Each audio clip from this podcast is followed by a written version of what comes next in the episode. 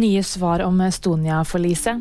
Ansatte i hjemmetjenesten har høyest sykefravær.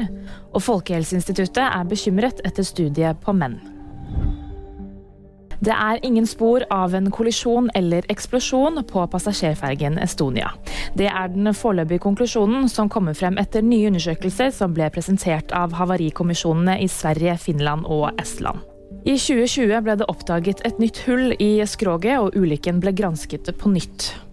852 mennesker omkom da fergen sank 27.9.1994 mens den var på vei fra Tallinn til Stockholm. Sykefraværet til ansatte i hjemmetjenesten er nesten dobbelt så høyt som snittet i Norge. Ifølge Statens arbeidsmiljøinstitutt var sykefraværet over 16 dager på 7,7% Statistikken viser også at de ansatte i hjemmetjenesten er mest psykisk utmattet etter jobb, og topper statistikken for ryggplager.